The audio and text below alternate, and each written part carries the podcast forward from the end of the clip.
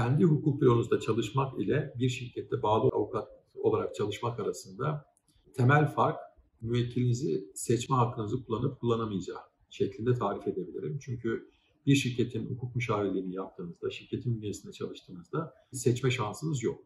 Yani o şirket veya şirketler grubuna hizmet etmek durumundasınız.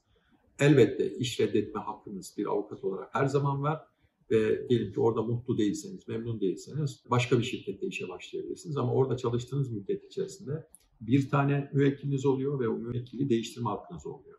Ama serbest çalışma yaptığınız zaman size gelen her iş bazında değerlendirip müvekkilin profiline göre, işin niteliğine göre işi alıp almama konusunda elbette alabildiğine özgürsünüz. Bir diğer fark şirket avukatlığında bağlı çalışmada ciddi miktarda idari ve raporlama yükünüz söz konusudur.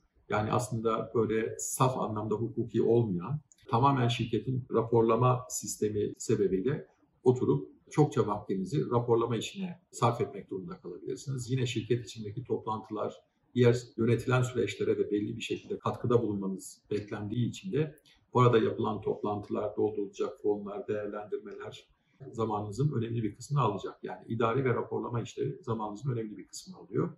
Serbest avukatlık yaparken ise sadece müvekkilinize bilgi verme ve hesap verme sorumluluğunuz var. Elbette şirket olan müvekkillerinize belli bir avukat mektubu veya bir hukuk raporu şeklinde bir rapor sunuyorsunuz. Ama bu içeride bağlı avukat olarak çalışan arkadaşların raporlama yüküyle kıyaslanmayacak ölçüde hafif oluyor doğal olarak. Temel farklar bunlardır diye düşünüyorum. Bir diğer e, önem arz edecek hususlardan bir tanesi de çalıştığınız şirket veya kurumun faaliyet alanıyla veya sektörün konularıyla sınırlı kalırsınız bağlı çalıştığınızda. Ama serbest çalışma yürüttüğünüz takdirde alabildiğine çeşitlikte işlerle uğraşabilirsiniz. Yani dolayısıyla genç avukatlar açısından konuya yaklaştığımız zaman daha fazla şeyi denemek, kendilerini o etkileşim süreci içerisinde izleyebilmeleri açısından serbest avukatlığın daha böyle avantajlı olduğunu söyleyebilirim. Kendi işimi kurduğuma memnunum. Zaten memnun olmasam devam etmem. Ama itiraf etmeliyim ki sandığımdan çok daha zor oldu. Çok daha fazla uğraşı vermek, tahmin ettiğimden çok daha fazla emek sarf etmem gerekti. Bu arada en büyük güçlük olarak da insan yönetimini gösterebilirim. Hakikaten malzemenizin insan olduğunda beraber çalıştığınız avukatlar, stajyerler, işte katipler, paralegaller yönetmeniz gereken insanlardan müteşekkil olduğunda bir sürü güçlükle karşılaşıyorsunuz. Akla şu gelebilir, acaba onların beklentilerini karşılamak falan mı? Hayır, bu değil. Tam tersine siz bir kurum oluşturuyorsanız bunu bir vizyona uygun olarak yani vizyonu olan bir kurum oluşturmanız gerekiyor. Yoksa zaten sıradan bir şey yapmanın çok bir esprisi yok. Yani var olan bir şeyi tekrar klonlayarak gitmenin çok bir esprisi yok. O arkadaşlara da ben kendi işlerini kurmaktansa bir yerde çalışmalarını tavsiye ederim. Ama siz farklı bir yapı oluşturmak istiyorsanız, belli bir vizyona göre hareket etmek istiyorsanız o vizyonu da ekip arkadaşlarınıza aktarmanız gerekiyor. İşte bu ciddi bir emek ve ikna süreci. Buralarda çok zorlandım. Ekibimde elbette ki çok güvendiğim, hatta benim öngördüğümden daha ileri mesafeler kat eden arkadaşlarım da oldu. Ama maalesef ülkemizdeki eğitim sisteminden kaynaklandığını düşünüyorum. Ülkemizdeki eğitim sisteminden ötürü bizim gençlerimiz çok da değişime açık değiller. Yani sonuçta gençlikten beklenen aslında gelişmeye, dönüşmeye açık olmalarıdır. Ama benim en azından kişisel yaşadığım deneyim böyle olmadı. Birçok konuda bazen genç arkadaşlarıma da söylüyorum. Ben koşarak ilerliyorum. Her defasında durup bekleyip onların gelmesini bekliyorum. Dolayısıyla değişim yönetimi tarafı beni çok zorladı diyebilirim. Ama genel olarak baktığınızda evet kendi işimi kurduğum için sonuçta hayal ettiğim bir yapı vardı ve o yapıyı gerçekleştirmek istedim. Onu da büyük ölçüde başardığımı düşünüyorum. O bakımdan da çok mutluyum.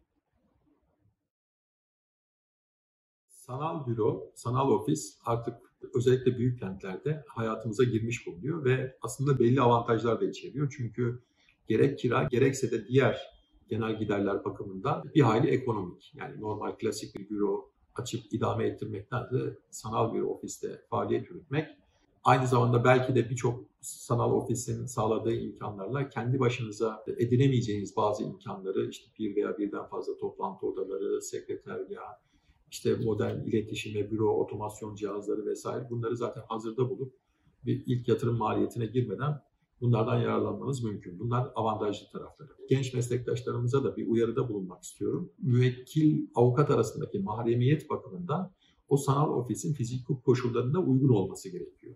Yani izolasyonu olan, hatta müvekkillerinizi mahrem bir şekilde alıp öyle görüşeceğiniz şekilde bir yapısal, bir mekansal planlaması olan ofisleri kullanmanızda yarar var. Çünkü öbür türlü herkesin gidip geldiği ve sizin kontrolünüzde olmayan, girip çıkabildiği bir yerde müvekkillerinizi ağırlamak, onlarla ilgili toplantıları yapmak takdir edersiniz ki hassas bir konu. Bunu çok doğru bir şekilde yönetmeleri gerekiyor. Kendi ofisinizin ise temel avantajı %100 tabii ki kontrol sizde oluyor. Gerekli mahremiyet tedbirlerini siz gücünüz yettiğince zaten alıyorsunuz. Bu konuda meslek kurallarıyla belirlenen belli standartlar da var.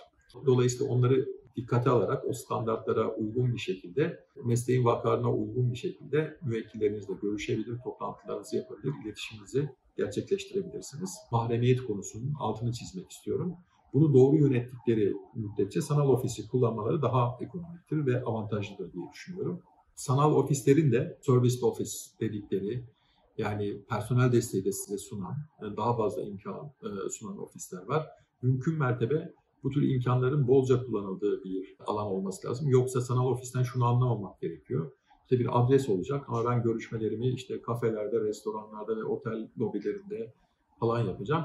Bu zaten meslek kurallarınca da izin verilen bir durum değil. Buna da girmemek gerekiyor. Çünkü bir avukatın başarılı olabilmesi için müvekkilini ağırladığı, onunla mahrem görüşmelerini yaptığı yerin nezih olması ve insanların rahatça girip çıktıkları, herhangi bir şekilde tedirgin olmadıkları bir mekan kullan, kullanması çok önemlidir.